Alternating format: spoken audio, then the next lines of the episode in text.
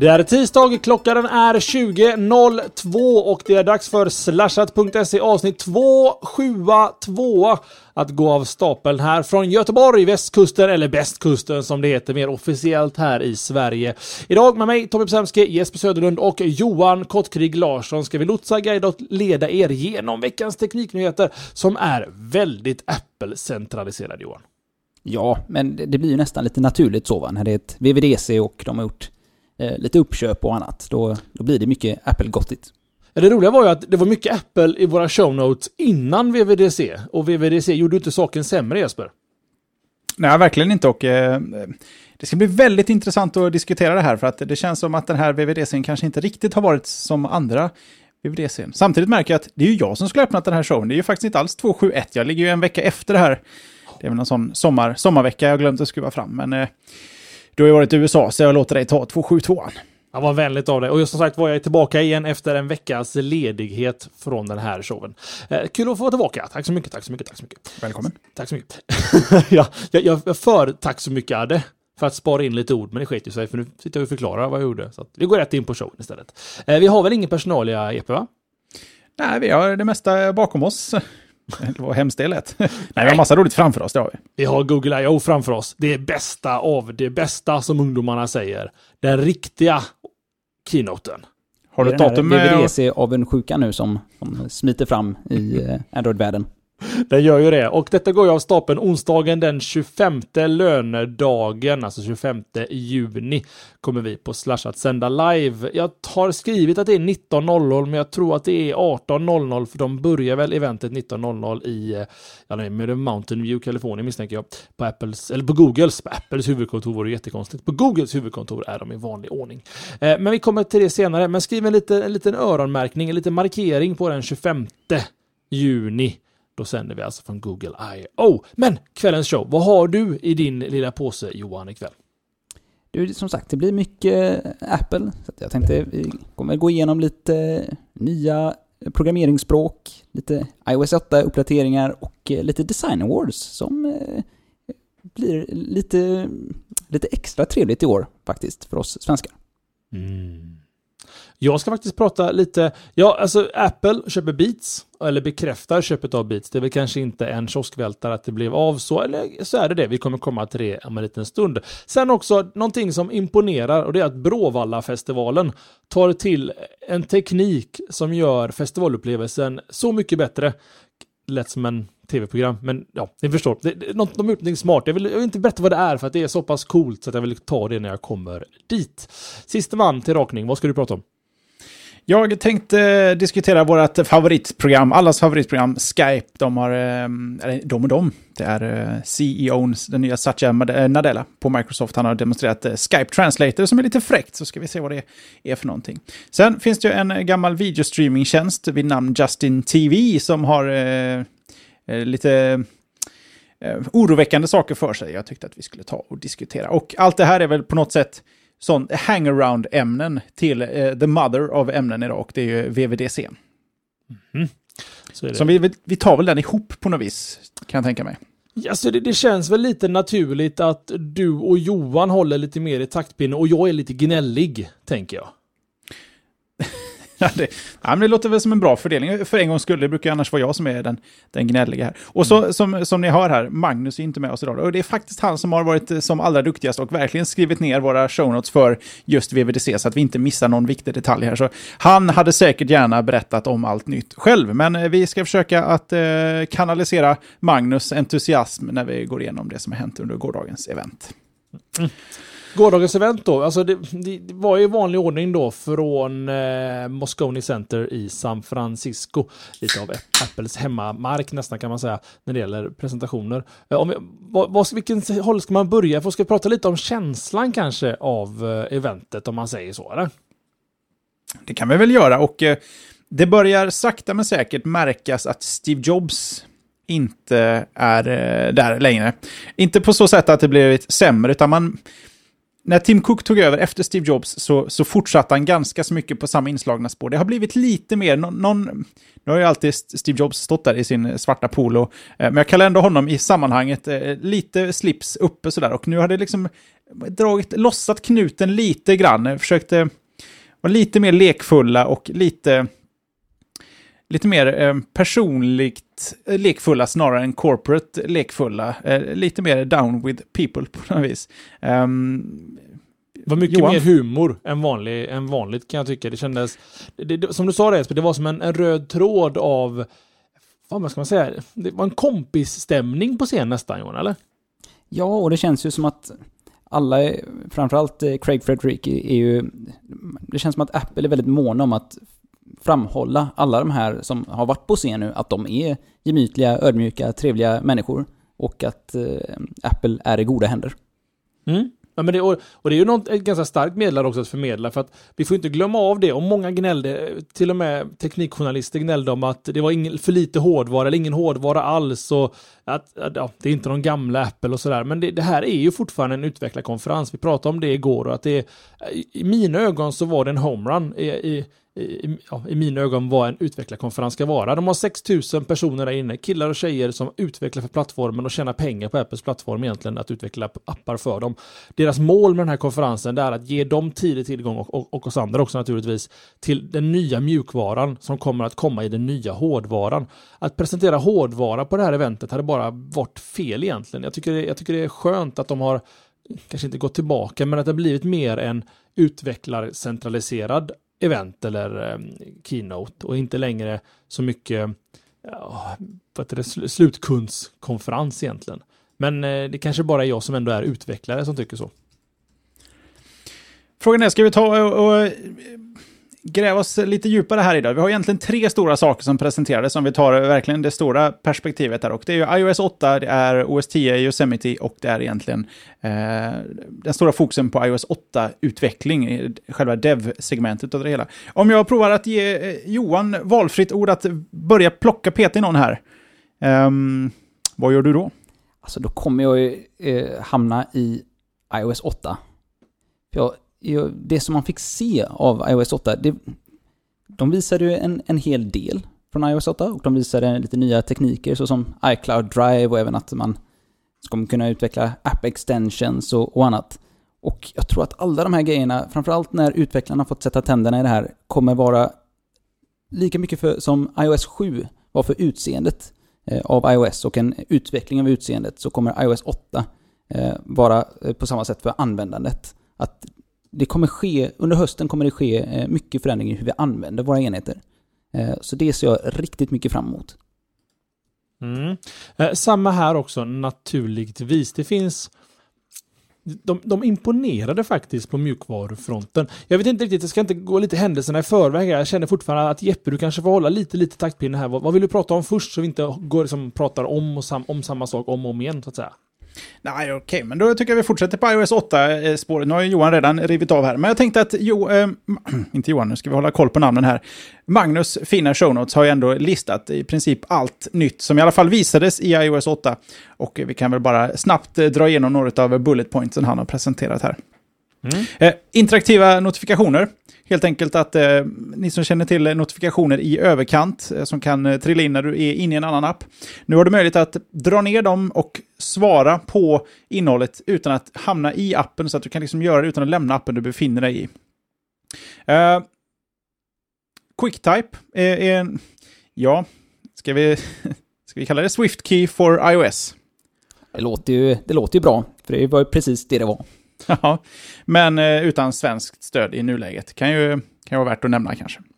Men, men här också märker jag någonting och jag är, kan ju gå händelserna i förväg om inte jag ser dina show notes.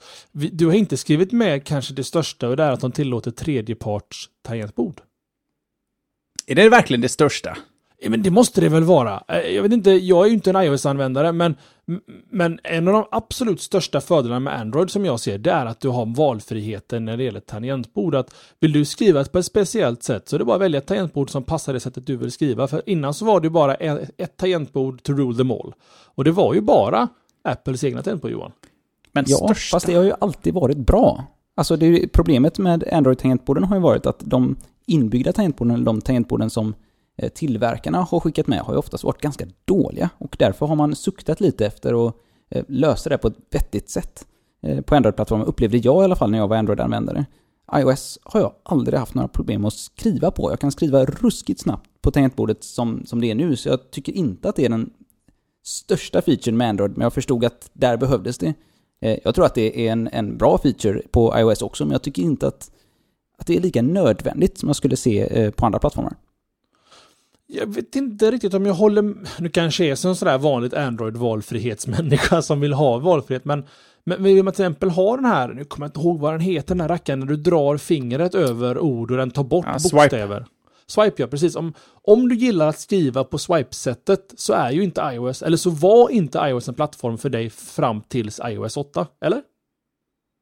Är det väl sant, men det är ju andra sidan ingen som gillar att, att skriva på swipe-sättet om man inte har swipat innan. Fast det är ju en, ja, fast det är en generalisering också. Du, du, om man, kan, man, kan man inte så spelar det ju ingen roll. Då har man ju inte möjligheten så att säga. Då, nu finns ju Har- har- möjligheten. Okej, vi börjar så här då. Är det någon som någonsin har sett någon swipa? Annat än att eh, testa det här nya roliga. Det känns som ett fortfarande ganska uselt sätt att skriva på. Men valet finns ju nu i alla fall. Ja, okej, det är sant. Men, all right, men du tycker det är det största med iOS 8. Det tycker jag är intressant i sig och eh, förtjänar nästan ett eget litet utrymme i något program någon gång. Eh, ska vi knalla vidare innan vi fastnar i en eh, iOS och Android? Det kan ju bli mer sånt. Mm. För Ser vi det, fram emot. för det finns fler likheter här och var. Eh, om vi bara kikar på Messages-appen, här eh, blir det ganska tydligt att iOS 8, eller Apple i och med iOS 8, eh, vill vara som andra eh, media, eller eh, appar. För nu minns nu kan du, eh, du kan, eh, kan köra eh, gruppmeddelanden med eh, stör ej-funktionalitet, du kan dela din plats, du kan tala in och skicka eh, liksom direkt från, eh, från själva ifyllningsfältet, du kan skicka video och du kan svara med röst direkt i till exempel det här jag pratade om, eh, eh, de här interaktiva notifikationerna som kommer och skickar iväg. Så att det känns lite som WhatsApp, Hangout och ehm, Facebook Messenger kanske i ett, fast inom eh, Apples egna lilla iMessage-sfär då.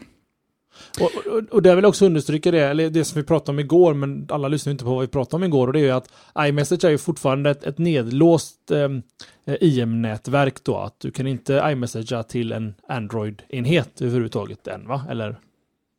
Nej. Nej. Bara så att jag fick sagt det också, att det, för att, så folk vet vad man pratar om. Skulle vilja testa och jag har ju ändå betan inne och se vad som händer om jag skickar ett röstmeddelande till dig. Om den ens, för jag ser att mikrofonknappen finns där även om jag har upp en kontakt som inte har iMessage. Jag har bara inte provat att klicka på den än. Men det lär vi ju få reda på. MMS stödjer väl sånt utan problem. Så att, Mm. Ja, det gör det i och för sig. Vad... Då är det share location kanske inte funkar. Ja, jag får testa lite helt enkelt. Tycker jag. iCloud. Drive. Jag, lånar din mening där. och det, det, alltså, det, det brukar väl vara kanske så att ett nyhetsoutlet eller egentligen online tabloider behöver ju ha rubriker att jobba med. Och det var många som skrev att Apple har släppt sin Dropbox-dödare. Och om man jämför funktionalitet så är ju iCloud Drive ganska nära Dropbox och vad Dropbox gör.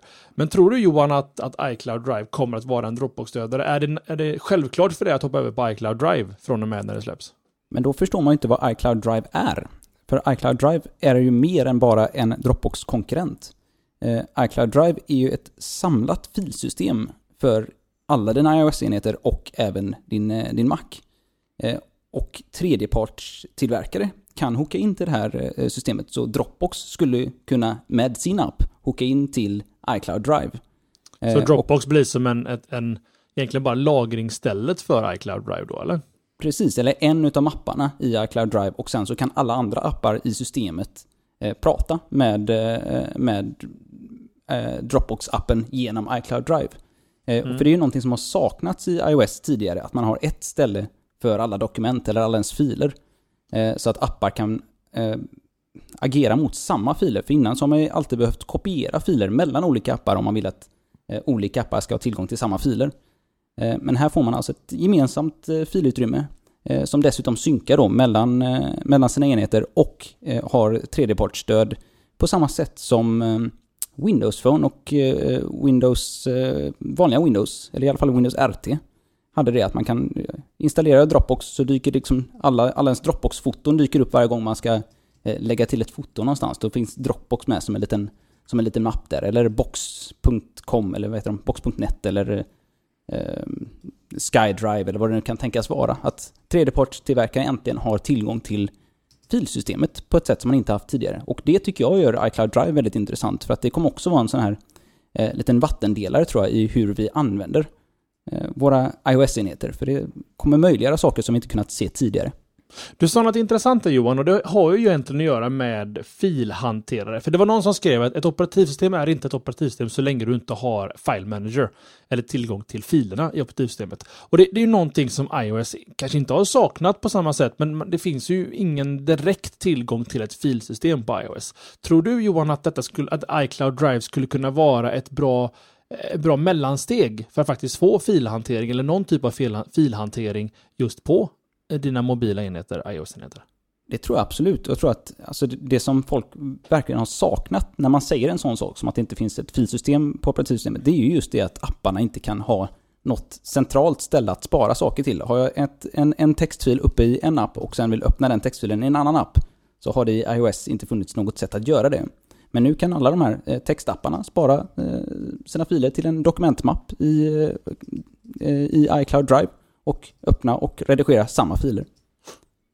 Och, och, det, och, det, är ju någonting som, eh, att gå lite händelserna i förväg, men någonting de också pratade väldigt mycket om just på eventet och det var det faktum att, att appar nu kan prata med varandra. Eh, och vi, vi, kommer komma in på det lite mer sen när vi pratar om utvecklingsbiten. Eh, vill du dra vidare här Jeppe bara i, i listan så man bara liksom får ordning på listan så man har hört allting en gång i alla fall?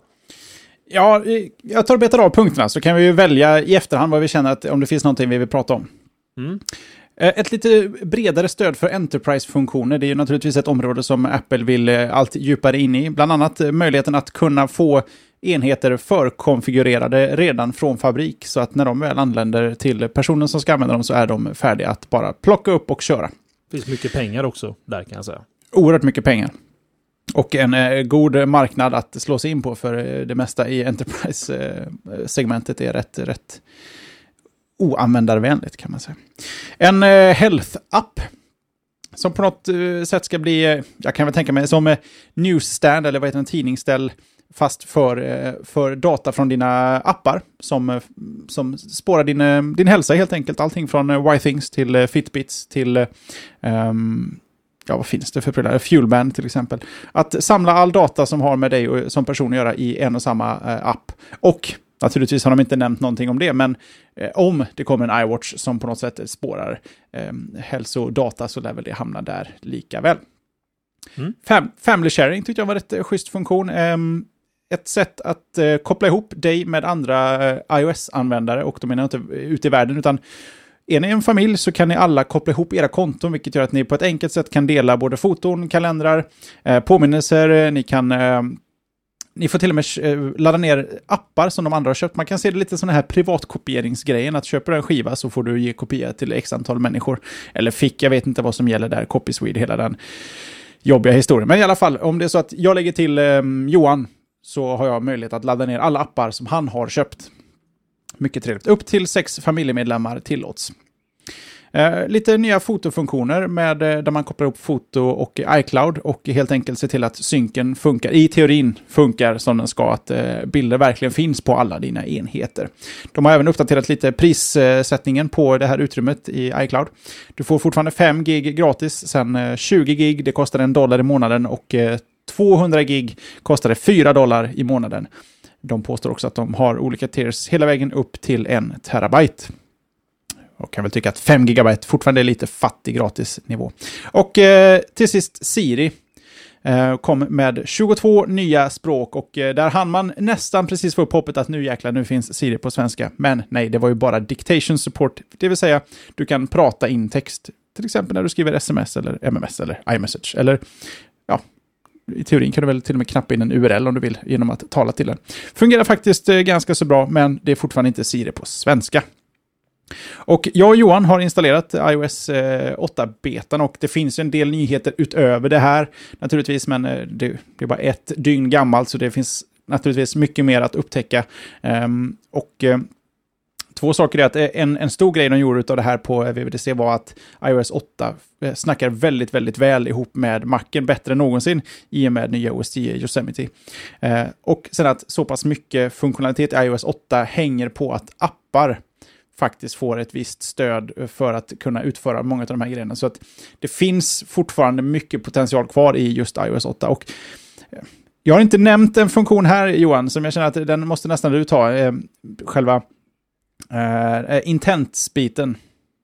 Ja, för det var ju, man säger, det var, hela VVDC var ju uppbyggt kring tre olika eh, segment. Vi hade dels, som du sa, Yosemite, iOS 8 och sen så var det ett nytt dev-segment. Och det var ju egentligen i det här dev-segmentet av eh, eh, hela keynoten som mycket roligt avhandlades. Eh, så att vi hade ju eh, dels så var det ju mycket nyheter i App Storen. Eh, man eh, körde på en ny Explore-tab och lite Editors Choice och lite sådana här saker som folk har eh, efterfrågat när det kommer till App Storen. Eh, men sen så var det de här nya SDK-erna då. Och då stoltserar de att det är 4000 nya utvecklar-API-er. Eh, vilket jag inte vet säkerligen hur de har räknat, men de har kanske räknat med eh, att de har ett nytt programmeringsspråk. Jag vet inte. Eh, på något sätt så har de räknat till 4000 nya utvecklar-API-er. Och då är det ju, det som är intressantast här, är ju just den här extensibility-biten. Att en app kan eh, med vissa API byggas på ett sånt sätt att den kan anropas från andra appar, eller delar av appen kan användas i andra appar. Eh, så det, förhoppningsvis då så kommer det möjliggöra att man kommer kunna dela information mellan apparna på ett smidigare sätt. Man kommer kunna eh, de visade eh, prov på att man kunde använda Visco Filters exempelvis, som är en fotoredigeringsapp, att man kunde använda deras filter direkt i bilder-appen på iOS. Och ja, det såg väldigt lovande ut faktiskt, må jag säga. Det gör det absolut. Jag menar, vi behöver inte gå in på alla detaljer över de tekniska bitar som har släppts, men om man pratar lite om stora grejer som jag tyckte var stora, det var att 3D-appar får lov att använda Touch ID. Du kan till exempel logga in på Facebook i framtiden med din tumme egentligen på en, iOS-enhet.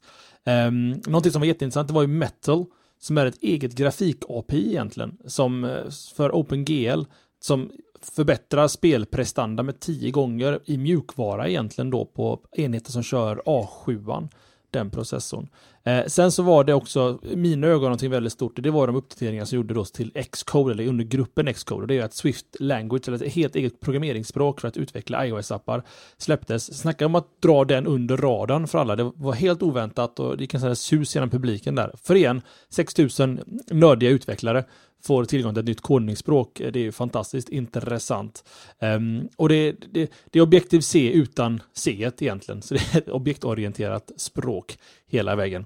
Um, och det var egentligen de stora sakerna som, som jag kände att eh, är värda att eh, ta upp lite extra här nu i efter, i efter, ja, inget eftersnack till VVDC, men när vi belyser de tekniska bitarna i alla fall, eller utvecklingsbitarna i VVDC. Eller var det något specifikt där jag missade Johan, som du känner att du vill också peka lite på?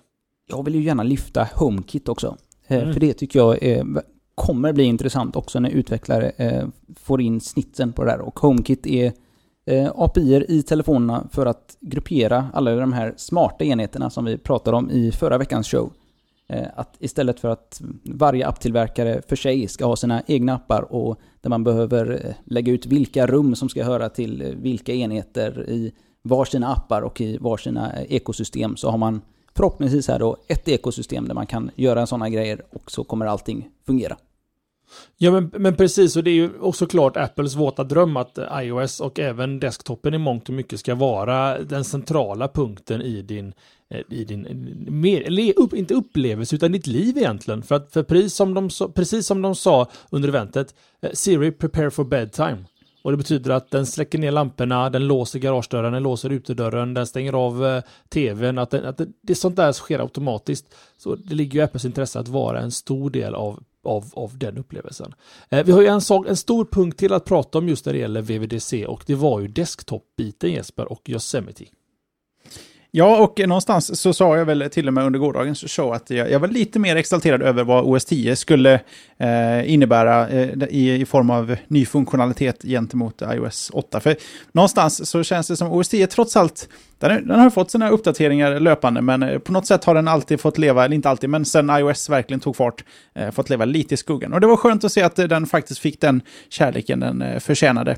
Vi får hoppas att eh, förväntningarna motsvaras. Det såg i alla fall väldigt trevligt ut, det de visade. Och det mest eh, uppenbara är naturligtvis att gränssnittet har fått sig en liten makeover. Man kan väl säga att man har plockat lite småbitar från eh, iOS 7. Man har plockat lite favoriter från till exempel eh, Windows Vista. Mycket så här, genomskinligt, glasaktigt, lite aero, eh, translucency-varianten. Och eh, ikoner har fått lite ny design. Finder ser allmänt eh, eh, bättre ut. Och du har nu möjlighet att köra hela ditt gränssnitt också i en, eh, i en inverterad eh, variant. Det vill säga i mörka menyer för att slippa att det lyser i ögonen hela tiden. Notifikationscentret har fått sig en ordentlig uppdatering. Där har du också möjlighet att lägga widgets med lite det ena och det tredje. Och det verkade väl även som att eh, man kunde plocka in tredjepartsfunktioner ut i den här ytan och eh, arrangera den bäst man ville.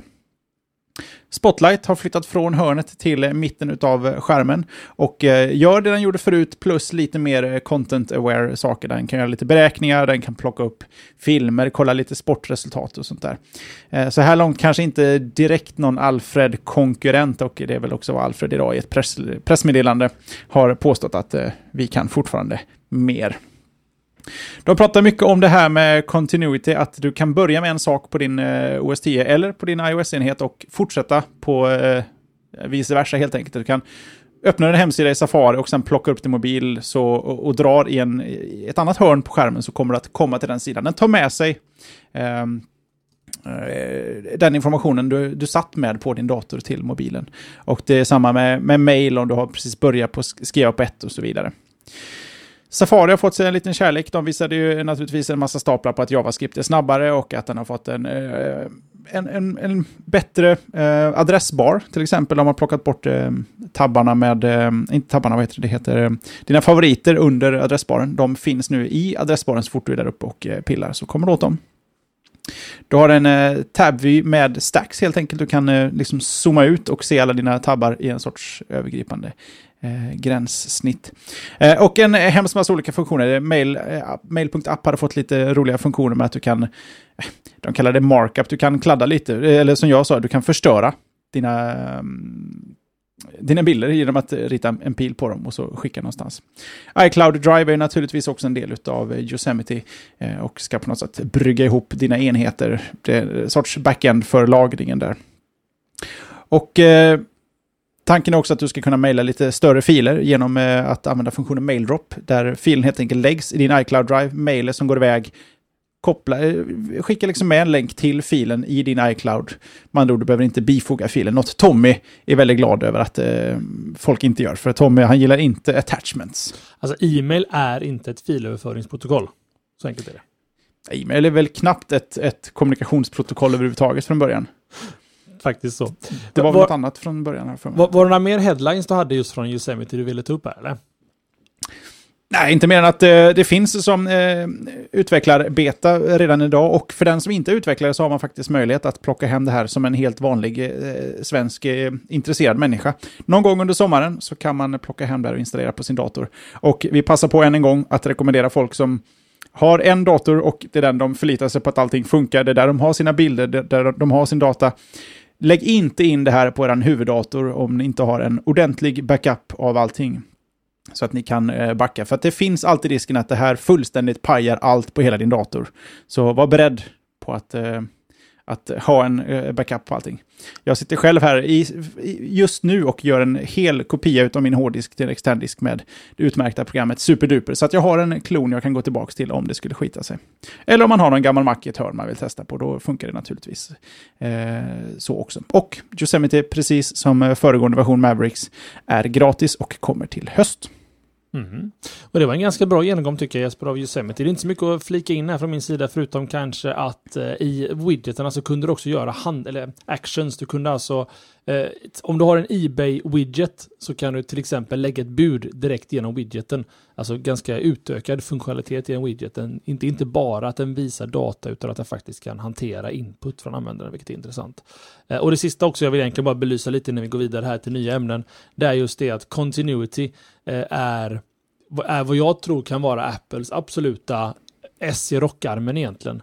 För har man den kontrollen över sitt ekosystem, att de har kontrollen över både tableten, över eh, mobiltelefonen och över desktopen, och desktopen kan ju vara mycket, det kan även vara laptops då, eh, så kan man göra mycket snygga saker mellan enheterna. Det fick vi många bra exempel på, till exempel att du kan skicka sms då via din, din desktop Mac så skickas det via din, din iPhone, eller att du ringer från desktopen via din iPhone. Sådana där grejer kan man bara drömma om som Android-användare. Det finns jättemånga versioner som gör det åt dig, men att ha detta inbyggt på en så låg nivå som i operativsystemet hade varit intressant att ha med eh, ur mina ögon.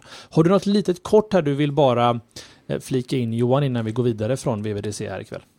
Nej, det var väl eh, det som du sa där. Continuity var ju super... Det var, det var ju det snyggaste demon nästan och det gör ju sig väldigt bra det där. Att det blir en väldigt konkret grej att kunna se att man kan ha användning av. Mm. Definitivt. Som, som ännu en gång vill understryka, detta, detta kan vara Apples S och det som Apple kan göra är riktigt bra. Jeppe, hade du någon lite mer punkt här nu på VVDC eller är du redo? Ja, det var en liten sak men som ändå betyder en del för att vi har irriterat oss på det. Och det är att AirDrop numera fungerar mellan iOS och OS 10 som det borde ha gjort från början. Och också under Continuity-flaggen, en, en funktion vi inte pratat så mycket om, varken i, eh, idag eller i eftersnacket igår. Handoff-funktionen, att du kan ringa via din telefon från datorn, du kan skriva sms och iMessages. Och då menar jag verkligen sms, sådana som inte är iMessages från eh, datorn.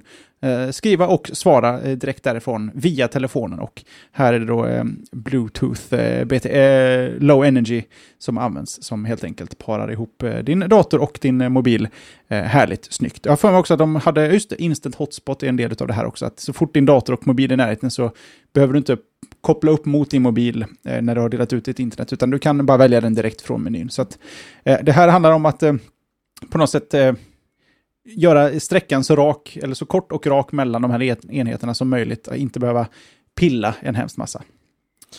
Och där någonstans så, det, det, finns säkert folk där ute som tycker att, ah, men vad gud vad Apple ni pratar, men detta är ju sån stor banan, även för mig som är Android-fanboy så är detta superintressant att lyssna på, för att det här ger oss, oss som Android-användare en inblick i vad iOS kommer att vara i sommar. Och framförallt som Apple-användare så är detta, detta är julafton i mångt och mycket. Men vad säger ni killar, ska vi dra oss vidare kanske mot en forumtråd och sen in på andra nyheter? Det känns som vi har sagt vad vi kan om VVDC så här långt. Och sen ska ju både jag och Johan installera Yosemite här eh, till nästa vecka. Så det finns ju faktiskt en möjlighet för oss att ha lite tidiga åsikter och tankar runt de här betaversionerna även nästa vecka. Exakt så. Tro inte att ni kommer undan, mina vänner. Eh, veckans forumtråd, i vanlig ordning så är det Magnus Jonasson som tar den, så det är bara att köra Magnus. Just det, han var inte här nej. Utan vi, det var ett skämt. Vad skoj där. Vad kul det är inte lätt. Vad Magnus hade kommit där Johan. Det hade varit skittrevligt att bara hoppat, hoppat in. Ja, det hade varit snyggt. Det hade det varit bra radio. Ja, det hade varit bra radio. Vi gör inte bra radio. Vi gör bara radio. Eh, eller inte ens radio, jag vet inte ens. Eh, vecka, I alla fall veckans forumtråd är ju Magnus Jonasson som i vanlig ordning då dyker ner i forumgodispåsen på forum.array.se och plockar fram vad han godtyckligen tycker är en extra intressant tråd den här veckan. Veckans tråd är skapad av Vilgot eh, och som är på jakt efter en ny förstärkare med streaming-nav, eller att använda förstärkaren som streaming-nav i sitt hem. Och vad passar det bättre att fråga än i vårt eminenta forum, läser jag innan till där. Och här ber Magnus mig via text lämna över till Jesper, så jag gör det Jesper. Ja, för jag har faktiskt redan varit här inne och grottat i den här tråden. Och eh, mitt stora problem är väl att just eh, Willgott, han har eh, aktiva högtalare. Vilket gör att de har redan inbyggda förstärkare, vilket gör att han behöver inte en förstärkare, utan då behöver han bara ett streamingnav. Och sådana känner jag inte till sådär fasligt många. Och här behöver vi definitivt hjälp av andra. Jag får för mig att den här nya fon, eh, grammofon kanske eventuellt skulle kunna bidra på något sätt här. Men här behövs det någonting som kan ta emot eh, allting från Spotify Connect, AirPlay, eh, ditt, datt, eh, Chromecast om det så är. Um, och skicka vidare det till de här högtalarna? Det är en väldigt, det är en krångligare fråga än det kan eh, verka. Kan jag tycka. Men jag, har, jag, jag, är faktiskt nyfiken själv, för jag har en del aktiva högtalare. Så att jag kommer hålla ett öga på tråden och hoppas att vi har lyssnare där ute som eh, är bättre än mig. Och, och, jag går ju vanligtvis till dig Jesper när jag behöver veta saker om högtalare. Jag vet inte, hur är det på din front Johan? Är du eh, lite av en högtalarentusiast? Jag vill ju gärna vara det, men jag är dålig på att hålla mig uppdaterad alltså, när det kommer till de sakerna. Så att jag kommer nog också, jag, jag är också lite i köpatagen kan man väl säga. Så att jag kommer Fast du har egentligen bestämt dig. Jag har egentligen bestämt mig, men de, det är jobbigt att bestämma sig för ett par högtalare som är nu ett och ett halvt år försenade.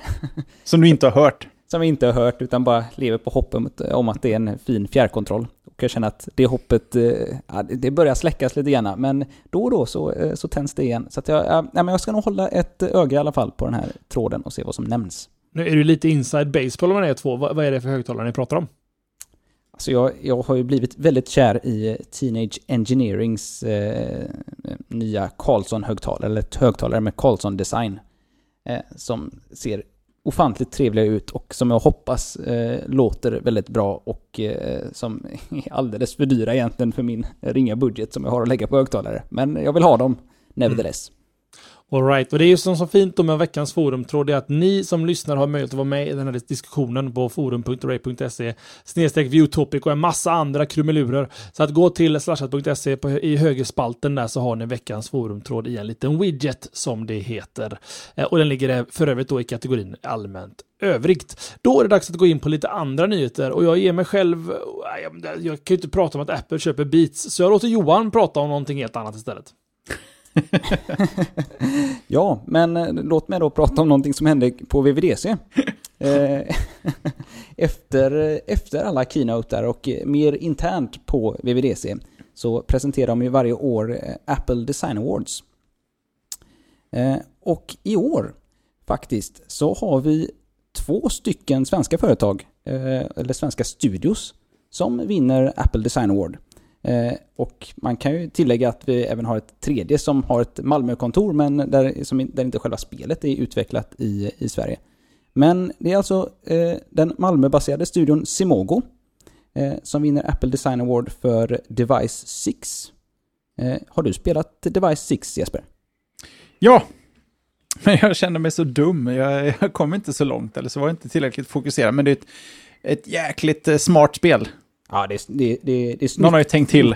Med, med tanke på att man bara presenterar text på lite kreativa sätt. Så är det ju väldigt snyggt. Eller text och bilder får man väl säga i en, en härlig historia. Det är snyggt gjort. Och, går, det, går det att förklara, beskriva enkelt på något vis? Vad ska man säga? En, någon slags interaktiv äventyrsbok. Det är alltså du läser en vanlig bok eh, med, med text och bilder och allt. Och så scrollar du den. Jag vet inte riktigt hur man ska förklara det här. Du, du, du det låter ju skittråkigt egentligen. Ja, och problemet är att söker man upp den här eh, boken eller eh, spelet eller upplevelsen på App Store så ser det ju skittråkigt ut på, på bilderna. För det är ju bara text på, på screenshotsen. Eh, så att det ser inte så roligt ut. Men jag kan, eh, jag kan varmt rekommendera det i alla fall. Det, det är ett äventyrsspel. Du, du läser dig i kapp i ett äventyr. Du scrollar dig igenom det här text landskapet och läser dig fram till vad du, hur du ska lösa eh, problem som eh, dyker upp på din väg. Ja, det låter så flummigt, men jag rekommenderar i alla fall. Och det har onekligen vunnit en eh, Apple Design Award nu, så att, ta inte bara mitt ord för det, ta även Apples ord för det. Eh, jag vet inte om det finns för andra operativsystem än Apple. Eller eh, än iOS, får jag väl säga. Men eh, det finns väl ingen omöjlighet att det kommer komma. Eh, sen har vi även göteborgarna eh, Senri och eh, 1337 Game Studio, eller Elite Game Studio. Eh, som vinner pris för sitt spel, eh, Leos Fortune. Eh, som jag inte har spelat och som jag nog har sett flyga förbi lite grann i App Storen eh, när den har varit featured. Men som jag inte tittat närmare på. Har du spelat det Jesper? Nej, jag har sett det. Det är väl det som jag, jag såg det och tänkte det ser lite Badlands-aktigt ut i kombination med någon sorts eh, vad heter den, World of Goo-aktigt. Men eh, jag har faktiskt inte spelat det. Det ser Nej. väldigt snyggt ut i alla fall. Supersnyggt. Att jag eh, ska nog ta och dra hem det här efter kvällens show och sitta och mysa och spela lite grann. Och sen så hade vi ju också Astus Monument Valley, som dock inte är utvecklat i Sverige, men de har i alla fall ett Malmö-kontor, den studion. De har ett London-kontor ett New York-kontor också.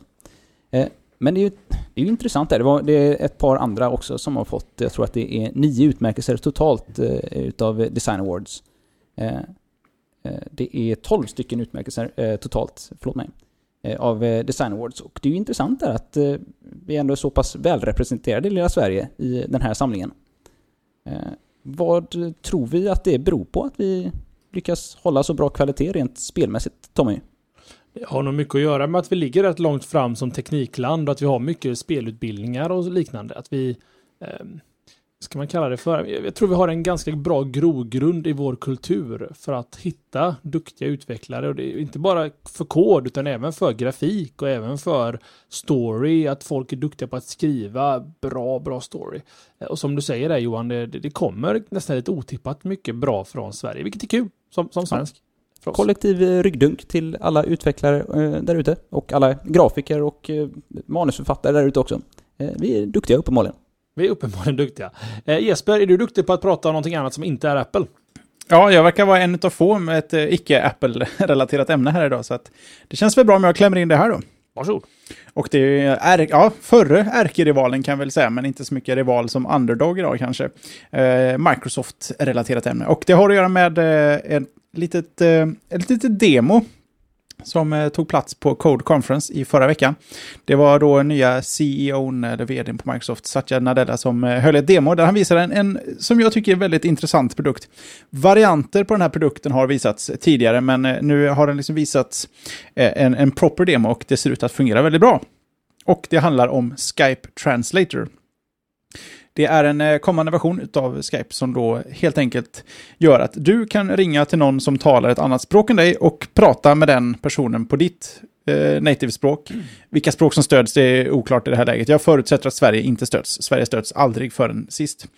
Eh, du pratar på ditt språk och det översätts eh, nästintill realtid, skriver de i, sitt, i sin pressrelease. Men om man tittar på videon så är det ganska uppenbart att eh, nästintill realtid är med... Eh, du pratar först, när du är klar så kommer den att säga det du säger.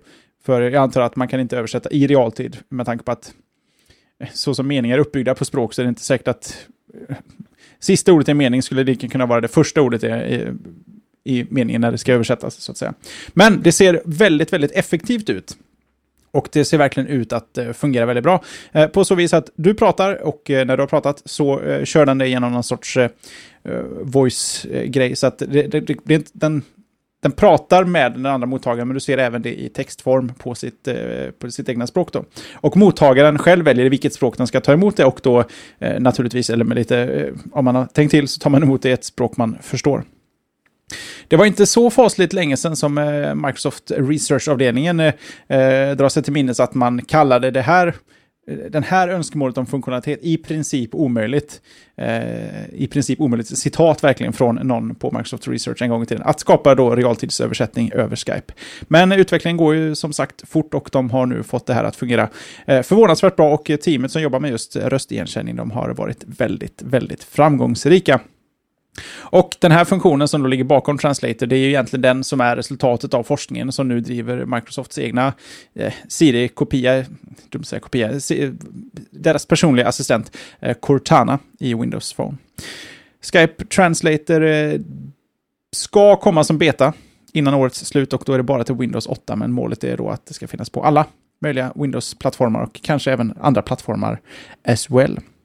Så kanske till och med Android och iOS jag får, får förutsätta det. Skype finns ju överallt och Skype är ju ändå väldigt, väldigt stora. Microsoft är ju absolut inte först med det här. Google har ju jobbat med det här ett par år.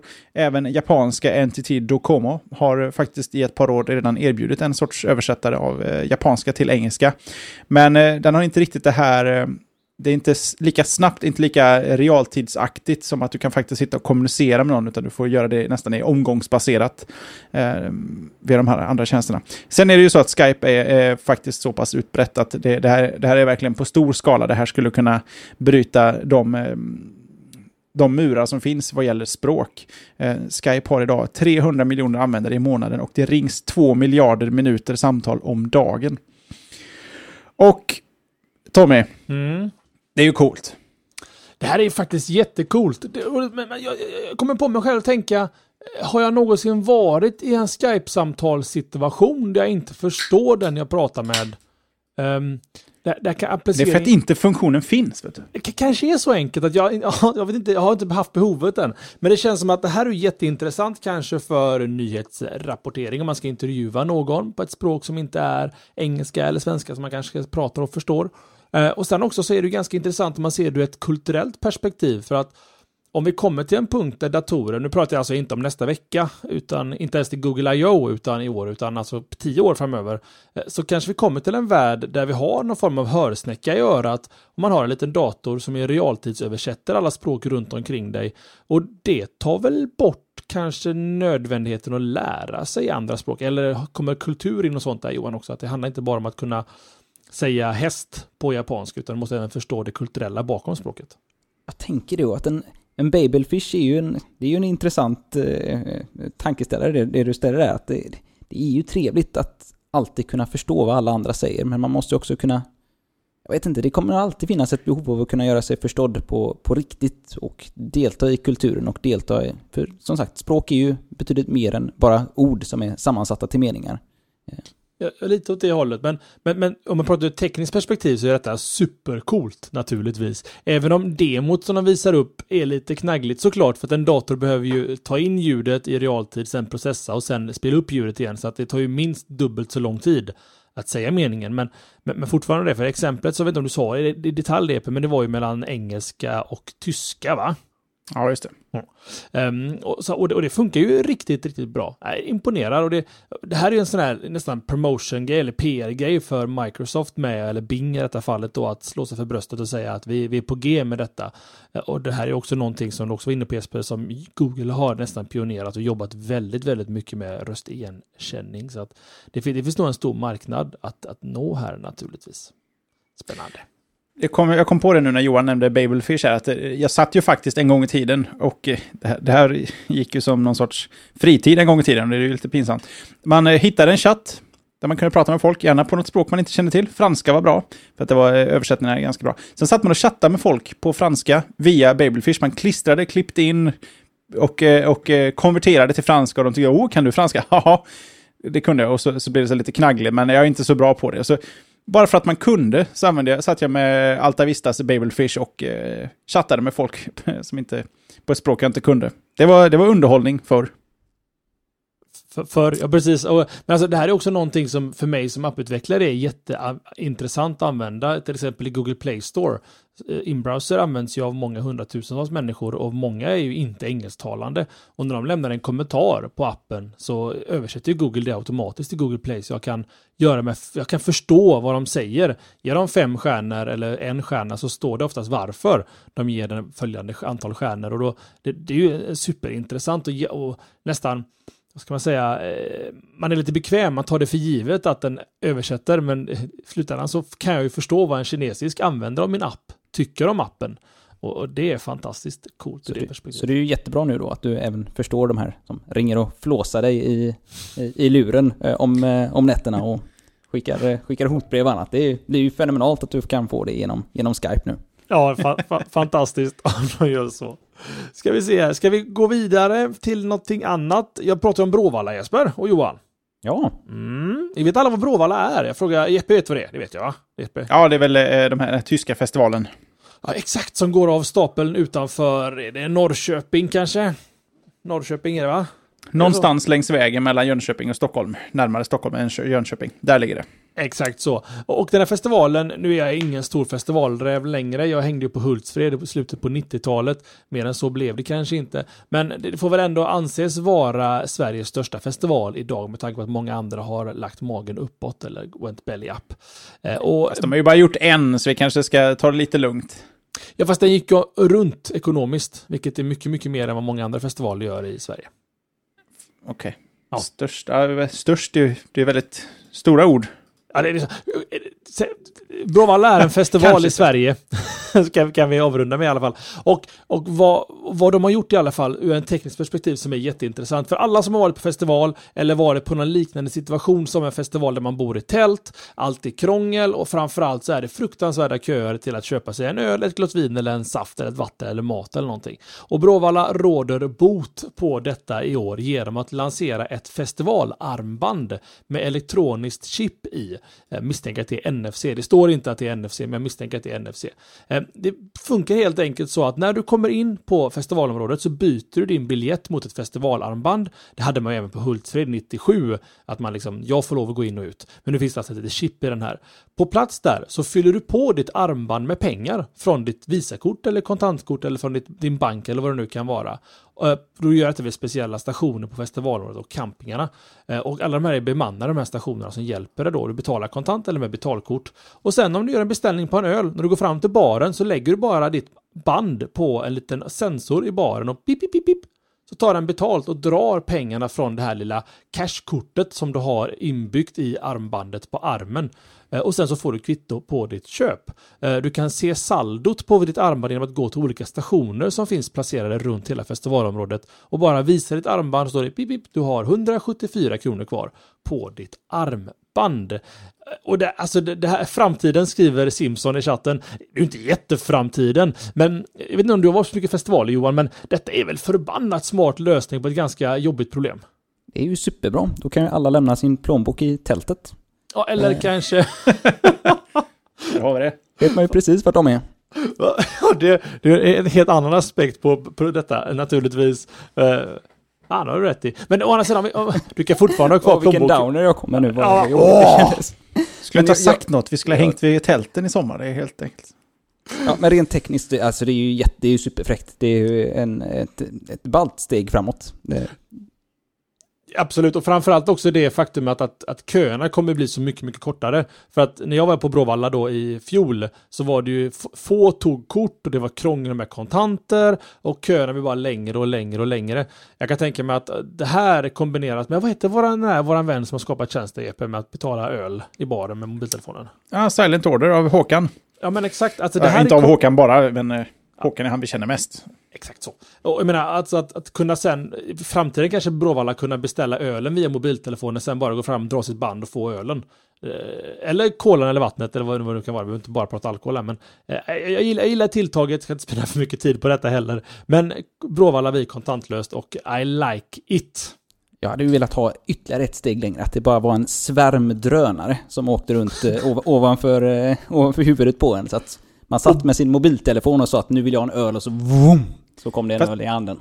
Fast jag tycker det är overkill. Du behöver inte en mobil för att beställa en öl. Alltså det här bandet man har runt armen. För jag tänker, festival, öl. Du behöver inte ha en app med massa alternativ. Du ska ha, det ska vara sån så här morfin eh, på, i, i, på sjukhuset. Du har ditt armband, du klickar på ölknappen. Då har du gjort en beställning. Det är som en sorts... Kan vi inte bara ha kameror på drönarna då, som, som kollar... Har du en människa som inte håller en ölburk i handen, så ska ju den människan ha en öl. Sträck upp armen så kommer den bara. Ja. Ja, det finns många lösningar på det här problemet. Ja, vi kan konsultera till nästa festival och komma med lite vettiga idéer. Att du bombarderar med ölflaskor från ovan. det låter ju jättebra. Ja, men det är bäst att vi ringer upp dem och delger våra bra idéer ja. för det här. I vanlig ordning så ringer inte vi någon, utan ni ringer oss. I vanlig ordning. Ja, så brukar det gå till. Vi vill spela, vi vill köra slashat på stor scen också. Ja, stora scen. det kan vara jätteintressant. Jag ska ta och rätta mig här också Tommy, det, mm. du har helt rätt. Bråvalla blev på extremt kort tid Sveriges största festival, speciellt efter att eh, förra Sveriges största festival, Peace and Love, eh, lyckades bränna sina, eh, sina pengar på annat än att se till att ha pengar till, i kassan till nästa år. Och sen vill jag också, eh, oroliga lyssnare här i chatten säga att armbandsstölder kommer bli vanliga. Eh, eh, har man varit festivalbesökare så vet man det att tappar du ett armband så kommer du inte in på festivalen igen. Så att man är väldigt armbandsförsiktig på festivalen. Så att jag tror i mångas ögon så är armbandet värt mer än de 200 kronorna som armbandet är laddat med. För att du har betalt kanske 12, 13, 1400 kronor för att ens få ha, vara där i tre dagar. Så jag tror det är ett litet antiproblem. Men ska vi se här. Eh, Jeppe, du, jag, jag hoppar över det lite Johan, känner du det? Ja, det tycker jag. Du ser att jag bara har VVDC-ämnen. Ja, faktiskt. Så jag släpper in Jeppe här på ytterligare ett icke-Apple-ämne. Jeppe, är du sugen på det? Jaha, vi var färdiga där. Ja, då får jag... Eller hade du, hade du mer att säga om Bråvalla och eh, kontantlöst?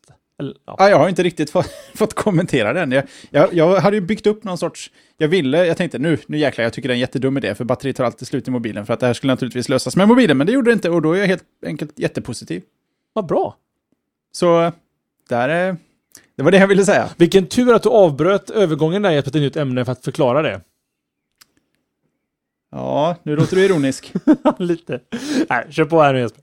Yes, då ska vi prata om Justin TV, en eh, webbsajt eh, Eh, som dök upp eh, med en liten sån eh, viral kampanj runt sig för sådär sju år sedan när just en kille som heter Justin Kahn, Kahn? Justin Kahn, tror jag. Han eh, valde att lansera den här sajten eh, som han har grundat tillsammans med en annan kille genom att eh, livesända sitt eget liv 24 timmar eh, om dygnet, eh, sju dagar i veckan. Eh, kamera eh, i, i sidan, jag tror det satt i hans keps, och så lallade han runt och gjorde ganska så bra marknadsföring för den här sajten. Och Justin TV var helt enkelt en, en sajt där du kunde streama video likt Bambuser, eh, YouTube idag, men även eh, känns det som Ustream, Livestream och eh, väldigt många. Justin TV har under de här åren byggt upp en ganska så stor del. Nu låter 2% inte mycket, men Justin TV har stått för 2% av USAs internettrafik under de här åren, vilket får anses vara en ganska stor mängd. Men nu har de bestämt sig för att här ska det minsann storstädats. Och vad är det då som händer? Jo, de har meddelat att de kommer att radera alla sparade videofilmer på Justin TV. Och de motiverar det här med att 50% av allt material på sajten har en eller inga views. Och eh, majoriteten av det som kvarstår har väldigt, väldigt fåtal views och de har kollats, eh, de som har lite fler än en view, de sågs när klippet lades upp och nästan aldrig efter att de har lagts, eh, upp.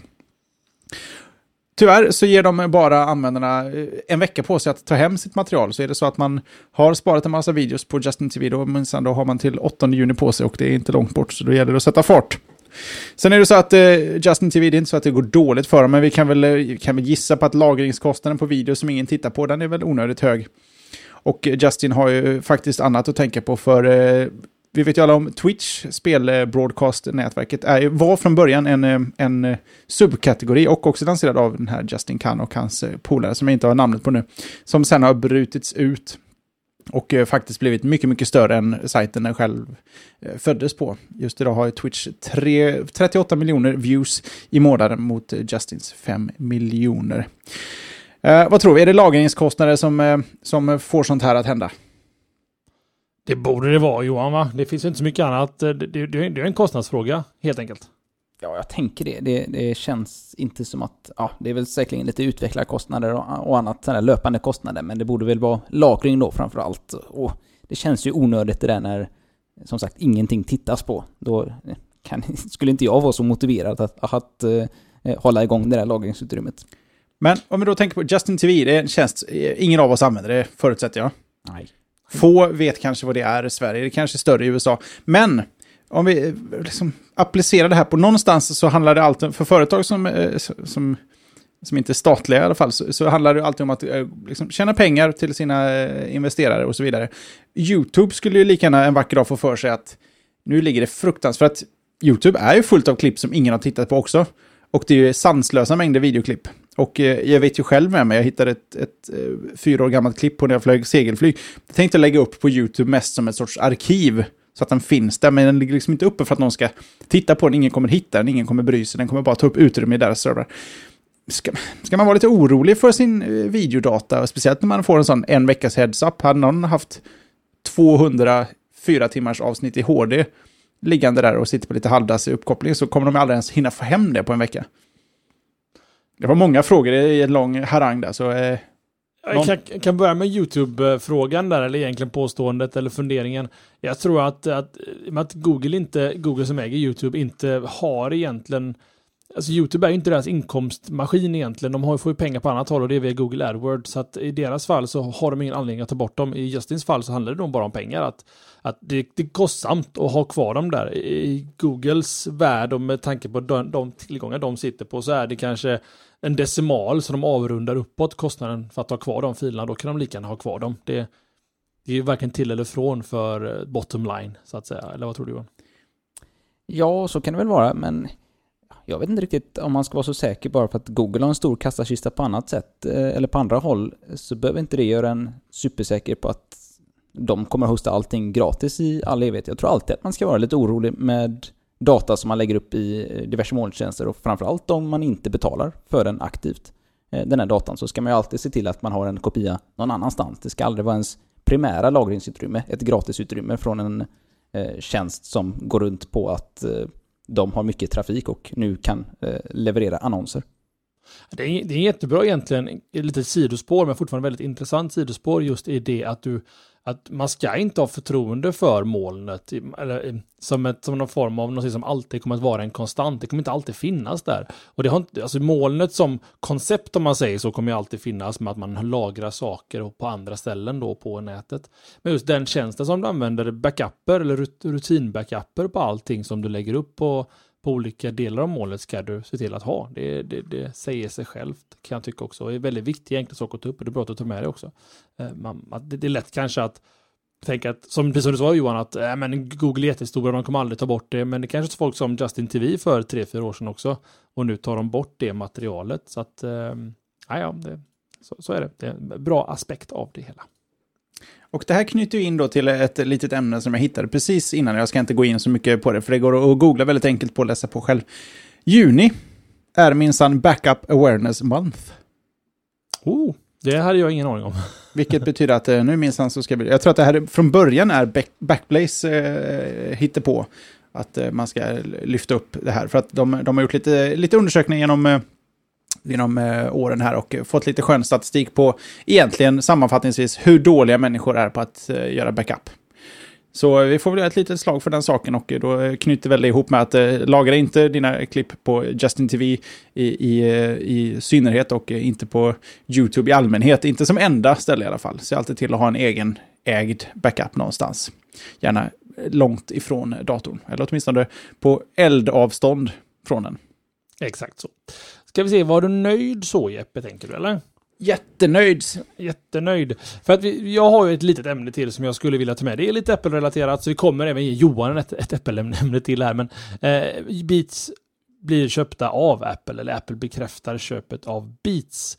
Eh, för det var nämligen som så att ryktena har gått ganska varma sen nästan en månad, tre, tre veckor tillbaka egentligen. Och det är att Apple ska köpa Beats, Beats som är ett företag av Dr. Dre och Jimmy Iovine Eh, som skapades för ett par år sedan. Beats är väl mest kända för sina hörlurar, som jag alltid trodde var lågbudgetlurar, men som tydligen är ganska lågkvalitativa lurar i hög prisklass.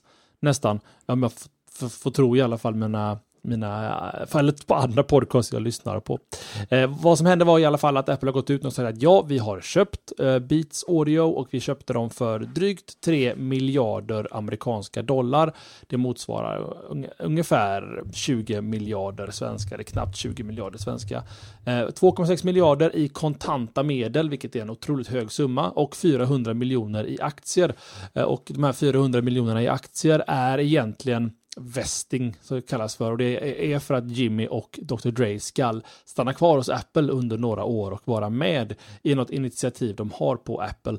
Eh, misstanken här är väl att de ska ta det, det som är Beats Music, som egentligen är en Spotify-tjänst, skulle man kunna säga, i mångt och mycket, och integrera på något sätt in i iTunes um, Audio, eller iTunes, jag vet inte vad det kommer heta, men in i iTunes i alla fall. Så att det, det, om, man, om man skuttar vidare lite på den här funderingen, Johan, um, va, på vilken sida av linjen stod du? Trodde du att Apple skulle köpa Beats eller trodde du inte de skulle köpa Beats?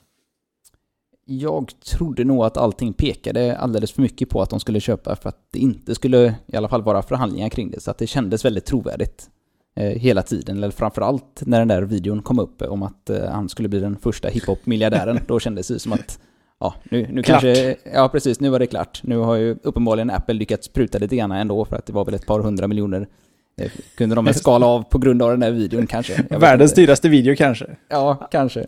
Ja, ryktet eh. var ju att det skulle vara 3,2 miljarder dollar eh, köpesumman. Och i slutändan så blev det bara 3 miljarder. Så man hade skämtat om då att det var 200 miljarder straffavgift då för den videon. Ja, Miljoner. Och det hade ju om inte annat varit eh, Steve Jobs eh, paroll om han hade fortfarande varit i livet. Det är ju så han hade eh, konfronterat det där, det, det vet man ju. Tim Cook kanske kör på samma, samma stil. Mm. Absolut. Nej, men så, så jag trodde nog att det, att, att det skulle hända. bara dra lite, lite parentes här. Jag läser just nu boken eh, Dogfight, How Google and Apple Went to War and Started a Revolution av någon eh, smart kille i USA. Eh, och, och då har han lyckats gräva fram ganska mycket detaljer om iPhone-presentationen Eh, och hur Apple presenterar. Alltså den iPhonen som de hade på scen, det var fem stycken olika. För att ingen iPhone, den testversionerna, kunde vara igång mer än 20 minuter. Så dog den telefonen. Så han switchade telefon fem gånger. För vissa telefoner funkade bättre med några saker. De, de fuskade så mycket under den presentationen. Och det är så det är sån här, det är egentligen porr för en teknikintresserad att läsa om detta. Så jag bara flikar in ett boktips. Dogfight. How Google and Apple went to war and started a revolution. För det är så mycket detaljer runt omkring det här att de hade tagit in en portabel at mast och ställt på scenen så Steve Jobs skulle få så bra mottagning som möjligt. För nio gånger av tio så hängde sig telefonen, du ringde ut med den. Eh, och de hade hårdkodat in fem bars på eh, mottagningen på enheten. Det kunde inte visa någonting annat än fem bars. Och massa andra fulhack de gjorde för att få det att funka överhuvudtaget. Så att, eh, äh, kul bok som jag rekommenderar både Jeppe och Johan att läsa, men framförallt våra lyssnare. Eh, tillbaka då till ämnet. Jesper, vad, vilken sida stod du om runt Beats? Nej, det var lite för mycket som pekade på att, eh, på att det här skulle bli av för att man skulle eh, våga tvivla på det. Men jag har fortfarande inte riktigt listat ut vad de ska med Beats till. Jag har inte accepterat någon förklaring så här långt. Um, det känns fortfarande som folk står och dunkar fyrkantiga klossar genom runda hål här för att få en teori att passa i varför. Eh, det kanske blir självklart med tiden. Ehm, det är ju väldigt olikt Apple och det är väl kanske det som är problemet. att det, det, det, är inte så här de brukar göra, men det betyder inte heller att det, det är aldrig för sent att börja med något nytt så att säga. Och Apple är ju inte kända för att äga ett annat existerande varumärke som inte lyfts in i Apple-sfären. För som jag har förstått det så kommer Beats att få leva vidare, i alla fall tills vidare med sin egna hårdvara och sina eh, programvaror. Ja och nej det Jesper, för det är ju så att eh, företaget som var industridesignersarna för Beats Audio har ju officiellt gått ut och sagt nu att de, har, de är inte kvar längre i matchen. De heter nej, nej. Revolver men och sådär. Men alltså, så jag menar att... Revolution, uh, tror jag. Ja, något åt det hållet. Och, men grejen är fortfarande att, att Beats audio hörlurutvecklingen, i alla fall utseendet på dem, kommer Apple ta över. Och det är mer men, men märket kommer vara kvar. Men Beat, det kommer fortfarande säljas under Beats och eh, Beats ah. Music kommer också vara en tillgänglig tjänst på, på Android, på Windows Phone och så vidare. Ah, Okej, okay, men då är jag helt med dig. För att eh, de, det vore ju dumt att skjuta det märket i sank. Även om Apple-märket är fruktansvärt hår, eller starkt. Så tror jag att de här... Och det är väl det som egentligen många funderar på. För de går ju inte riktigt hand i hand de här två företagen. Eh, det, det känns... Ja, fast Apple är lite smårisiga på ljud och Beats är lite bättre. Att säga att det är låg, lågprisprodukter, det är det inte. Eller lågkvalitet. Det är, det är fullständigt eh, godkänd average-kvalitet till ett alldeles för högt premiumpris. Vilket inte är samma sak som Apple, men just på ljudbiten så är det fortfarande bättre än vad Apple har presterat så här långt. Ja, exakt. Och det, någonting som är intressant är att det finns ju siffror som säger att, att en Beats-hörlur kostar 17 dollar att tillverka och säljs för, ja, vad är det, 100 gånger mer ungefär. Det är marginaler Apple tycker om, om inte annat.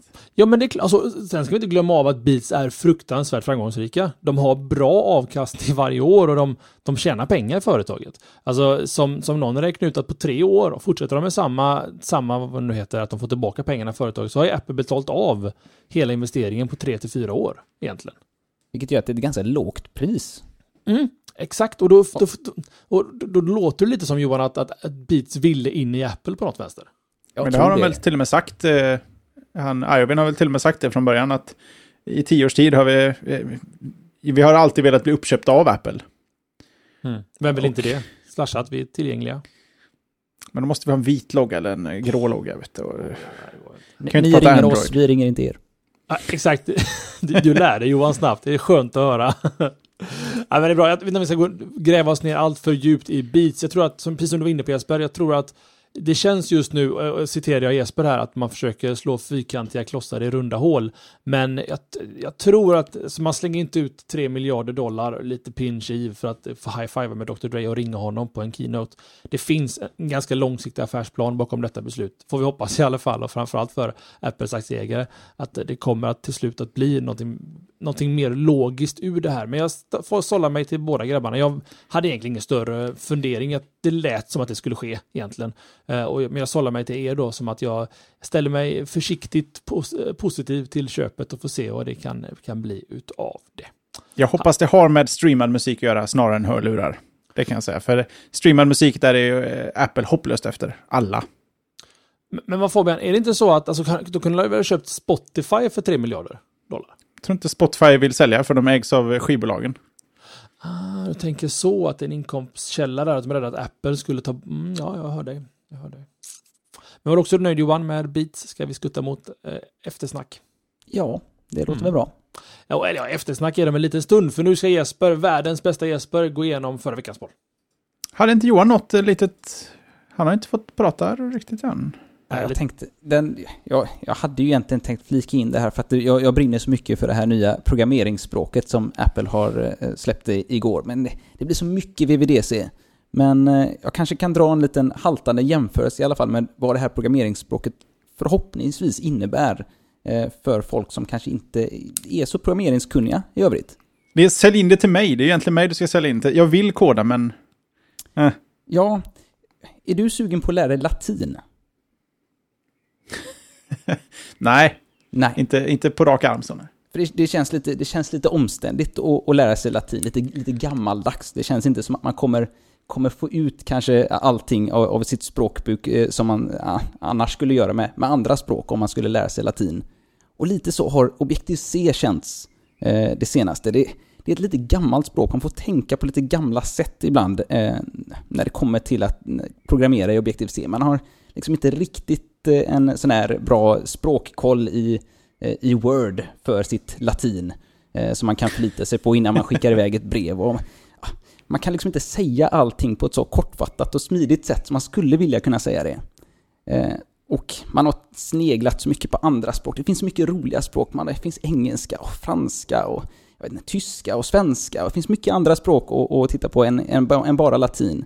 Eh, och det känns som att nu har Apple kommit upp med ett nytt språk som är kortfattat, trevligt, Förhoppningsvis så blir det enklare att säga som utvecklare vad det är man vill säga eh, än att behöva eh, traggla latin och eh, gammal eh, grammatik. Och eh, förhoppningsvis kommer det innebära bättre appar och smidigare utveckling. Och för att fortsätta med liknelsen, att, att lära sig ett gammalt språk känns dumt. Men att lära sig ett helt nytt språk som inte finns bör då komma med fördelen att man har tänkt till lite för att göra det lite mer effektivt än latin var. Ja, man kan väl se Swift som språkens, eller de vanliga eh, språkspråkens eh, esperanto. Att man uppfinner ett helt nytt språk här för att försöka lösa alla problem som de, alla föregående språk har. Och det är egentligen så som alla tänker som, som uppfinner nya språk eller tillverkar nya programmeringsspråk. Att man har sett att ah, inga andra programmeringsspråk löser alla de här problemen som jag tycker att vi har med vår, eh, eh, som vi ställs inför. Så att nu uppfinner jag ett nytt programmeringsspråk och så gör man det och så helt plötsligt så finns det ytterligare ett programmeringsspråk. Det är som den här kända XKCD-strippen med standarder.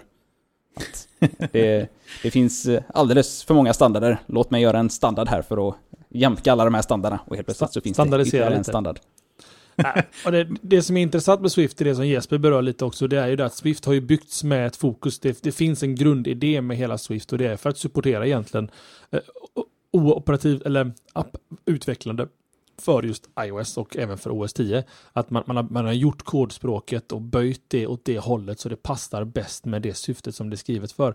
Eh, om jag inte är helt ute och snurrar så Objective-C var väl från början inte tänkt att vara egentligen detta, utan det var någonting som Apple fick med sig när de köpte Next och sen follade in det till att bli det kodspråk som ska användas för att bygga för appar för iOS och ehm, äh, för iOS. Så att, eh, och OS 10, OS X. Så att, äh, spännande. Alltså, det är nästan så att vi får ta en specialare då Johan, när du har lyckats gräva ner det lite just i Swift och bara prata kanske en specialshow bara om Swift. Det hade varit superroligt. För som sagt, man måste som utvecklare så måste man eh, gräva ner sig lite i det här innan man kan komma med några vettiga argument till eller från. Och man behöver höra lite andra utvecklare vad de, vad de tycker och tänker. Att det, det är alltid en process med nya språk. Så det ska bli kul att, att se vad som händer med eh, Swift framöver. Har någon av er tittat på det? Bara Jajamän. som hastigast? Jag har, det finns till och med lite kod uppe på GitHub. Jag såg att eh, någon idag hade gjort en eh, Flappy Bird-klod skriven i Swift.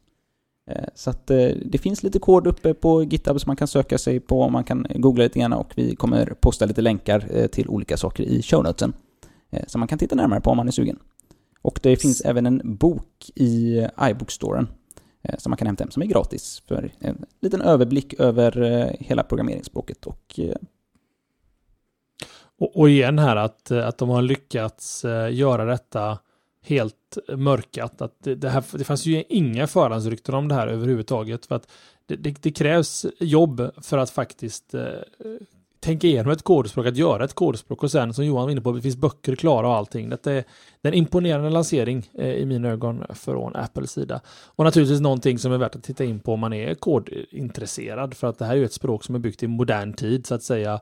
Eh, mycket av kontrollsyntaxen är naturligtvis gammal så att säga, med funktioner och annat men, men just att titta in på det. Jag tror att det kan vara intressant för många, i alla fall kodande ögon. Sen, sen, så betyder ju inte detta att Apple har revolutionerat kodning, att vem som helst ska sätta sig och bara koda iOS-appar.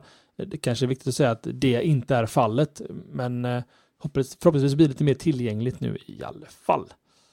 Det var ditt ämne Johan, är du nöjd så? Jag är jättenöjd så. Jag ville mest bara få in det för att det, det som sagt, man, man brinner lite extra för det som utvecklare. Så att det var en rolig nyhet i gårdagens VVDC. Indeed do. Och nu Jesper, nu förra veckans poll. Förra veckans poll lyder som följer. Bytte du lösenord efter Heartbleed?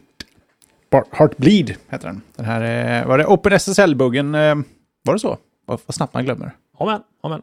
HTTP.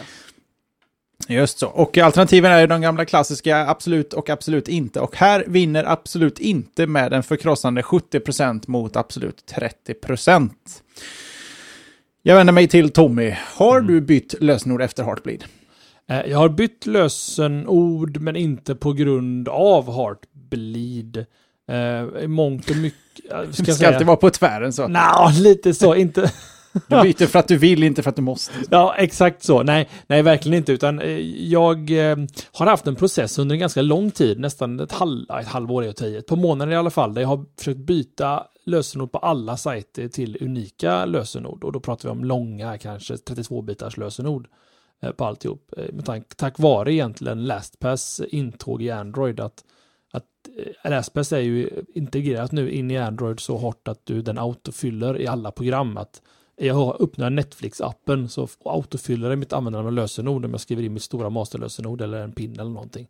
Så att, att det, nu är det värt i mina ögon att verkligen gå all in på detta, att göra monstruösa lösenord eh, Ehm, på sajter. Så att det, var en process jag redan hade igång och då kände jag att Heartbleed kanske inte påverkade mig för att jag har redan bytt lösenord på många av tjänsterna. Och sen får vi komma ihåg också det att, att Heartbleed var ju en, jag tog inte gå in på detaljer igenom detta, men Heartbleed var ju en okänd bugg i alla fall fram tills den presenterades på bred front och det finns så många studier som visar att det var nästan ingen som probade efter Heartbleeds Heartbleed exploiten innan det blev vida känt och då var det väldigt mycket så att det vi pratade om under den här showen när vi pratade om Heartbleed, det var ju det att om man loggar in på en tjänst när Heartbleed var aktivt så att säga, så, så fanns det en stor, alltså en stor poäng i att byta lösenord. Men är det så att alltså en sajt du inte har besökt på två år, eh, finns det en väldigt liten sannolikhet i att någon har heartbleedat ut ett lösenord från den sajten, med att det inte har funnits någon aktiv session med din kaka eller med ditt lösenord på något sätt. Eh, eller, eller tänker jag fel? Johan, ska man bara automatiskt byta tycker du? Jag tycker nog ändå man borde byta, eh, framförallt, framförallt om man har samma lösenord eh, överallt. Eh, så borde man ju ta tillfället i akt, precis som du har gjort, att skaffa någon slags lösenordshanterare som sköter det där åt en. Eh, jag tror att de flesta lösenordshanterare idag, eller i alla fall One Password, eh, har eh, en tjänst inbyggd i One eh, Password där man eh, som varnar för vilka sajter som var utsatta för Heartbleed och där man bör byta lösenord. Så att där har jag, jag svarade absolut på den här pollen. För att jag har gått in i alla fall på mina mest... Jag har inte bytt lösenord på alla de här som dyker upp i One Password, men jag har bytt på de mest kritiska. Ehm, sen så ska jag köra något race någon helg och köra resten av dem också. Mm. Jeppe? Ja, alltså. Jag valde ju absolut inte här för att jag, jag är lite för likgiltig för min egen skull här, eller för, för mitt eget bästa. Jag vill ju ändra alla mina lösenord. Jag började faktiskt en gång i tiden. Nu ska jag börja längst upp i One Password här och verkligen beta av. Nu ska alla få ett unikt lösenord. För att eh, någonstans måste man ju börja. Men det är ju så vansinnigt tråkigt att sitta och byta alla lösenord. Det är helt, helt sjukt. Och eh, min nätnärvaro är inte så innehållskritisk. Jag, jag har faktiskt bytt på ett par som jag vet, här, här, eh, här finns det inte, inte saker som är farliga om de kommer ut, utan här finns viktig data. Där har jag faktiskt ändrat, så jag vet inte om det kvalificeras som absolut, men för att det här ska funka så ska jag egentligen ha gjort en, en riktig lösenordsräd. Så jag svarade ändå absolut inte, för någonstans så vet jag med mig att jag tar lösenords eh, allvaret på lite för lite allvar. Jag använder, jag använder bra lösenord, men, eh, men inte tillräckligt varierat kanske. Ja, jag förstår hur du tänker i alla fall. Så att, eh, Någonstans ja. måste ju liksom, man måste hitta en balans mellan vad som är eh, görbart och vad som är, eh, går att leva med liksom. Det, och du är ju i majoritet också. 70 procent som du sa har inte bytt lösenord efter Heartbeat medan 30 procent har bytt lösenord. Det... Jonasson bidrar även från chatten här med att han inte har bytt heller, så att då är vi ja, två, två där i alla fall. Uh, och det var, det låter som väldigt exakta siffror, men det var nästan 250 pers som var inne och röstade, 230 pers, så det var ganska väl tilltagen poll även där. Veckans poll kan Johan få bjuda på. Åh, oh, är det så? Mm. Eh, då frågade, ställde vi oss frågan i försnacket här. Eh, eh, där, som sagt, vi eh, pratade ju lite om operativsystem och om man vågar installera betaversioner av operativsystem på sina burkar eller telefoner eller eh, plattor eh, eller annat. Och då är det ju precis som den här veckan så har vi ju eh, alternativen absolut och absolut inte. Det ska bli spännande att se, framförallt i sådana här tider då när det dels släpps lite iOS-betor, lite Yosemite-betor och lite Android-betor inom kort. Jag känner ju att den här showen måste bli över snart så jag kan installera Yosemite. Så det här har jag visserligen avslöjat vad jag kommer rösta till nästa vecka. Oh. Yosemite. Yosemite. Som jag trodde det hette faktiskt eh, innan eh, showen igår. Så nu vet jag det att det är nu, är det Yosemite. Så inget annat. Inget annat. Var nöjda så killar va?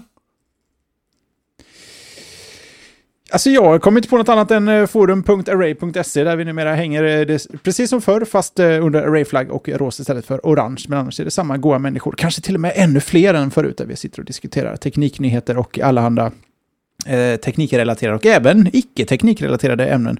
Eh, där tycker jag eh, definitivt våra lyssnare ska göra ett eh, gott besök någon dag när det passar. Vi går ju på sociala nätverk och eh, länkar till alla dem. De finns på slashat.se social. Och naturligtvis så är det här en gratis show, men det finns alltid möjlighet att visa sin uppskattning genom att donera en liten eller en stor slant, en eh, återkommande slant eller en eh, klumpsumma. Hur lite, hur mycket man än vill på slashat.se donera. Det finns alltid eh, ställen att förbättra den här showen och det brukar oftast betyda lite kostnader och eh, all hjälp vi kan få är naturligtvis välkommen. Men vi är ju fortfarande en gratis show. Glöm aldrig det. Så är det. Utan tvekan. Och idag har ni lyssnat på Tommy Posemski, Jesper Söderlund och Johan ja, Kottkrig Larsson. Nu, nu heter du Johan Larsson igen efter. Ja, ja. Kottkrig är nice. Det är nice. Det är skönt att få med. Då får man lite uni unicitet. Johan Larsson är inte så unikt i internetsammanhang. För det är så roligt för att jag kallar mig Tommy nu på nätet och Jeppe kallar, Jes kallar sig Jesper SE på nätet. Så att det blir liksom Jesper Jesper SE Söderlund, Tommy Tommy nu Potemski och Johan Kottkrig Larsson.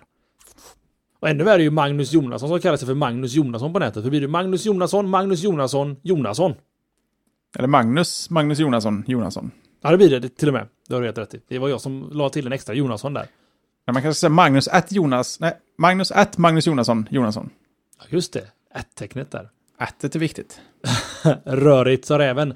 Eh, Slashat.se avsnitt 272 är därmed till ända. Vi tackar er för att ni har lyssnat på oss den här en timme och dryga 20 minuterna. Eh, och tack för att ni följer showen. Eh, sa du ge oss pengar Jesper? Ja, jag sa ge oss pengar.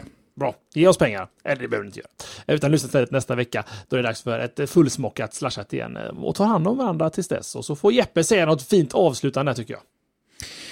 Eh, ja, här hade det varit skönt att vara eh, förberedd, men jag säger hej då på återseende. Hej då! Ciao! Adjö.